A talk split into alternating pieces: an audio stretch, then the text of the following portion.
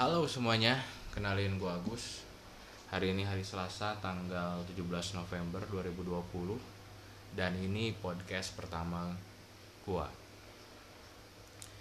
Oke, nggak banyak yang pengen gue omongin di sini, yang pengen gue bahas. But actually gue kerja di uh, pertanian. Gue ini seorang penyuluh pertanian. Jadi kalau lu uh, di keseharian lo, lo sering makan sayur atau apa, nah lo perlu tahu kalau itu ditanam di petani-petani kita. Nah gue tugasnya adalah membina ngedatengin itu petani-petani gimana caranya biar mereka bisa nanam dengan benar biasa mereka dengan sukses tanamnya dan produk mereka bisa sampai ke tempat lo sekarang. Oke jadi di dunia pertanian nggak banyak orang yang terlibat di sana. Nggak banyak orang yang mau juga kerja. Cuman ini bisnis yang seksi banget. Kalau lu lihat sekarang banyak banget oh, startup startup baru di uh, di dunia ini. Entah itu crowdfunding atau misalkan di awal uh, apa ya crowdfunding itu dia ngumpulin dana buat operasionalnya juga ada sekarang ada startup yang bantuin jualin hasil-hasil panen dari si petani. Oke okay, it's good job. Jadi di 2020 ini gua ngelihat uh, mulai banyak lah apalagi sekarang gara-gara banyak pandemi uh, orang-orang banyak stay di rumah juga. Ya mereka uh, banyak order makanan via online shop macem lah cuman ini meskipun di early stage ya di awal-awal dari perkembangan di dunia pertanian kita ya ini cukup bagus lah. Meskipun nggak se-advance di negara lain mungkin. Ntar kayaknya gue perlu minum. Oke cuman yang lo lihat sekarang itu nggak semuanya nggak di dunia pertanian ya nggak semuanya yang lo lihat dari branding di uh, online shop yang jual-jualin sayuran-sayuran itu nggak se enak dan nggak senyaman itu sebenarnya apalagi di tengah pandemi. Sekarang gue pengen bicarain tentang kondisi petani di uh, tahun 2020 secara umum. Nggak cuman pekerja kantoran nggak cuman pekerja di pabrik guys yang terkena dampak dari pandemi. Tapi petani kita juga terkena dampak. Sekarang gue kasih contoh lah satu hal. Misalkan si petani ini dia tanam timun uh, luasan satu hektar. Di satu hektar itu dia bisa ngasilin 40 ton. Nah si 40 ton ini yang biasanya dia bawa dalam beberapa kali panen tahap panen tentunya ke pasar-pasar di Jakarta. Kalau lu Jakarta lu tau Keramat Jati kebanyakan dibawa ke sana. Nah biasanya mereka sekali bawa 16 ton atau 18 ton itu bisa langsung habis. Nah gara-gara lo di lockdown si mamang-mamang sayur juga nggak bisa ke pasar akhirnya tuh barang ketahan lah di pasar barang ketahan di pasar nggak keluar otomatis suplainya kebanyakan demandnya gak ada. Nah yang nanggung resikonya siapa? Petani. Kalau misalkan di tingkat petani biasanya oke okay lah di yang biasa-biasa gitu di hari-hari biasa mereka dapat per kilonya 2000 nah di masa-masa seperti itu kira-kira menurut lo berapa yang mereka dapat? Meskipun kalau lo belanja timun sehari-hari lo tetap meskipun lo nggak beli kali ya mungkin bibi lo yang beli atau siapa lah atau ibu lo yang beli lo dapat harga masih di 4000 cuman kalau di tingkat petani kalau lagi kayak gitu ya mungkin masih di harga 500 nah di harga itu itu nggak nutup guys. Nggak nutup ke biaya produksi mereka. Jadi sekarang di 2020 ini memang tahun yang berat tahun yang berat buat semuanya. Bukan cuma buat kita tapi juga buat petani. Gue selalu beranggapan bahwa operasi tani itu ya sama kayak UMKM kayak lu bikin keripik segala macem lu taruh modal di awal terus lo operate lu jual produk lo lo kemudian juga dapat profit. Petani juga sama guys. Mereka taruh modal di awal mereka beliin pupuk benih uh, pestisida segala macem lah. Mereka taruh di awal mereka olah biar mereka dapat produksi yang sebanyak-banyaknya dengan kualitas sebagus-bagusnya. Ada risk juga di situ ada risiko. Ketika mereka bisa ngasilin panen dengan kualitas yang tepat dengan jumlah produksi yang tepat juga. Tapi ada satu faktor krusial yaitu di harga. Kalau harga ya mungkin lo tahu kalau misalkan lu belanja keripik ya tahun 2020 ah, dari Januari sampai Desember juga harganya sama. 5000 atau 500 mungkin kalau yang di warung-warung. Tapi kalau lu bicara produk pertanian itu fluktuatif guys nggak sama. Sekarang lu dapat 2000 besok lu bisa dapat 1000 besoknya lagi bisa dapat 500 even besoknya lagi nggak kejual tapi nggak dipungkiri juga. Memang ada waktu-waktu tertentu. Oke biasanya lu dapat 2000 si petani ini bisa dapat 4000 5000 itu kalau lagi barangnya nggak ada demandnya banyak.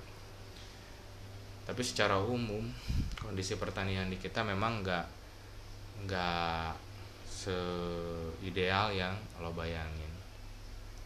Apalagi di akhir-akhir tahun 2020 ini lo nggak cuman bicara masalah harga yang rendah barang yang susah dijual. Sekarang petani juga ngadepin yang namanya kesulitan pupuk guys. Lo tahu kalau pupuk itu bisa makan 20% lah dari operasional e, pertanian dan sebagian besar e, si pupuk yang digunakan petani ini itu pupuk yang disubsidi oleh pemerintah. Nah mungkin ini juga jadi catatan buat kita juga kalau ya memang petani masih butuhin tuh namanya pupuk subsidi. Sistem pertanian di kita memang nggak kayak di Jepang, gue juga nggak tahu ya. Banyak orang yang bilang yang pernah ke sana e, mereka bilang kalau di Jepang itu yang disubsidi bukan saprodinya, bukan sarana produksi taninya, bukan pupuknya, bukan pestisidanya, bukan benihnya, tapi barangnya. Jadi setelah si petani ini jualin barang ke entah bandar atau pasar apa ya, jadi mereka kayak punya standar minimum harga gitu. Kalau misalkan timun di BEP-nya di 1000 ya pemerintah bisa bayarin lah kalau misalkan harganya di e, kurang dari 1000. Eh sorry Nah kalau di kita ini beda. Di kita yang disubsidi itu uh, di pupuknya, di pupuknya.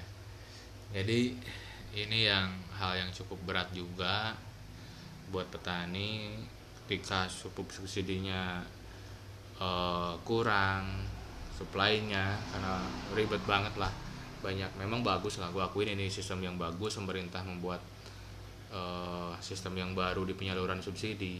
Cuman in fact di lapangannya ya petani kesulitan juga. Artinya mereka harus uh, ganti tuh kekosongan si pupuk subsidi itu sama pupuk-pupuk uh, komersial. Memang sebelumnya mereka juga pakai si pupuk komersial itu. Cuman nggak sebanyak itu porsinya.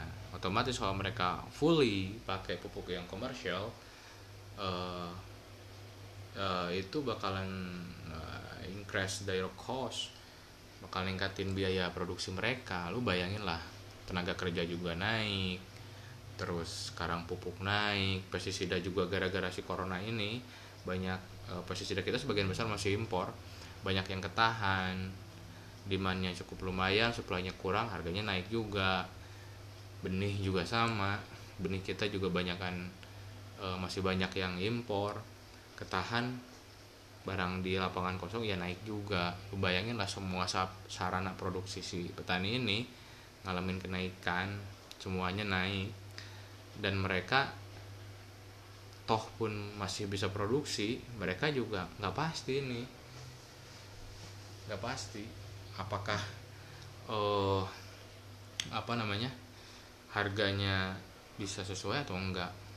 Produksinya bisa capai target atau enggak? Nah, sekarang kondisi cuaca juga uh, enggak mendukung banget. Hujannya bisa gede-gede banget bisa ada banjir di mana-mana.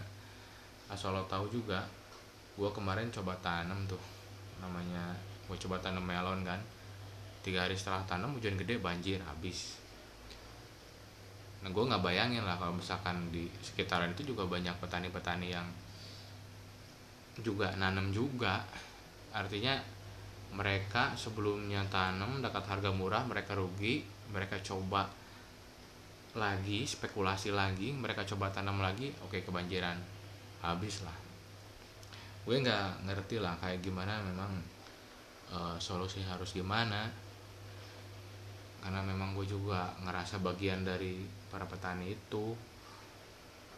Gue juga nggak tahu solusinya kayak gimana. Mungkin kenapa gue bikin podcast begini? Karena gue juga nggak tahu. Gue gue kali aja ya gue gue berpikir gini. Kali aja gue ngomong lagi gue bikin podcast gue ngomong. Tiba-tiba di tengah jalan gue gue dapat inspirasi nih. Gimana caranya nolongin si petani ya gue kemarin ngiseng-ngiseng juga kan baca-baca BPS segala macem survei. Oke okay. sebagian besar kerjaan kita uh, apa ya bukan kerjaan namanya. Sebagian besar profesi orang-orang Indonesia itu petani. Berapa juta berapa puluh juta lah gue nggak tahu nggak nggak ingat juga. Cuman sebagian besar itu petani gue juga baca kemarin waktu si corona ini hampir semua sektor lini industri mengalami penurunan. Cuman pertanian katanya yang ada pertumbuhan di uh, selama covid ini. Ini ya ya good news juga sih. Ada dua persen kenaikan buat uh, sektor pertanian. Ya yeah, I, I appreciate it. It's good news. Cuman uh, in fact in real di lapangannya ya nggak begitu juga. Mungkin ya gue juga tahu ya memang perhitungan si uh, apa ya data itu kemarin waktu kenaikan ekonomi di pertanian emang emang global sih. Kalau lu bicara pertanian ya kebun sawit juga pertanian. Ya karet juga pertanian. Yang gede-gede itu juga ya pertanian juga. Cuman gue sekarang bicara di e, pertanian di level yang rendah di level yang lebih kecil lagi. Kalau lo tau lah rata-rata petani sayur itu operation lahannya itu nggak lebih dari setengah hektar nggak lebih. Cuman beberapa persen lah. Gue kemarin baca juga cuman ada kurang dari satu persen malah 0, berapa persen gitu. Petani yang uh, operationnya lebih dari 8 hektar kalau di sektor pertanian. Ya rata-rata di bawah setengah hektar lu bayangin ya ya emang petani yang operasiin lahan yang kecil ya mereka bukan konglomerasi yang besar bukan tanam sawit yang ratusan ribu hektar bukan. Bukan jutaan hektar bukan. Mereka orang-orang yang tanam berapa ribu pohon. Gue kasih gambaran ya kalau misalkan petani-petani kecil itu ya tanam tomat paling 5000 pohon. 5000 pohon guys. 5000 pohon itu kalau dikali modal mereka 3000 per pohon 15000 15 juta ya? 15 juta per 5000 pohon. Dan mereka berharapnya dari satu pohon itu dia dapat uh, eh, 2 kilo. Lu bayangin lah kalau misalkan tadi modalnya 50 ribu pohon itu 15 juta terus mereka dari satu pohon dapat 2 kilo. Terus harga tomatnya 2000 berarti dari 10 ton kali 2 ya 20 juta lah. 20 juta. 20 juta kalau dihitung kasar aja bersihnya ya mereka dapat 5 juta. 5 juta itu buat berapa bulan guys?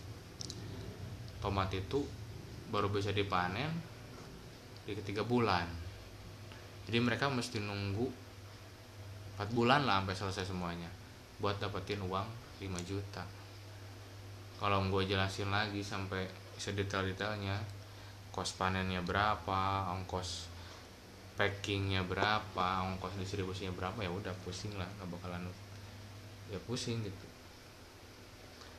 Lalu juga mungkin ya nyangkanya oh tomat juga mahal gue suka belinya sepuluh ribu ya di sepuluh ribu di pasar kalau sepuluh ribu di pasar itu ya pasar ngambil dari uh, apa ya ambil dari si pengirimnya itu ya paling di harga 6000 makanya dijual 10000 si 6000 itu ada kos lagi buat mobil 1000 ada kos lagi buat ya itu akhirnya di petani mah bersihnya 2000 2000 juga. Ya gue juga ngerti nih nggak tahu ya kayak gimana solusinya yang bagus sekali-kali aja lo punya ide atau kayak gimana lu bisa ngubungin gua. Gua punya ide nih buat nolongin petani kayak begini kayak begini kayak begini. Ya siapa tahu lah kita bareng-bareng atau ada petani di sekitar lo lu punya ide oh gua punya ide nih bantuin mereka ya bantuin lah. Kalau misalkan lo kemarin baca uh, message-nya dari BK Burger King tolong bantuin dong gua bantuin belanja dari gua dari McDonald yang punya ribuan karyawan. Oke okay, that's good that's good. You should to help them. But in the other sides there is our farmers need your helps too.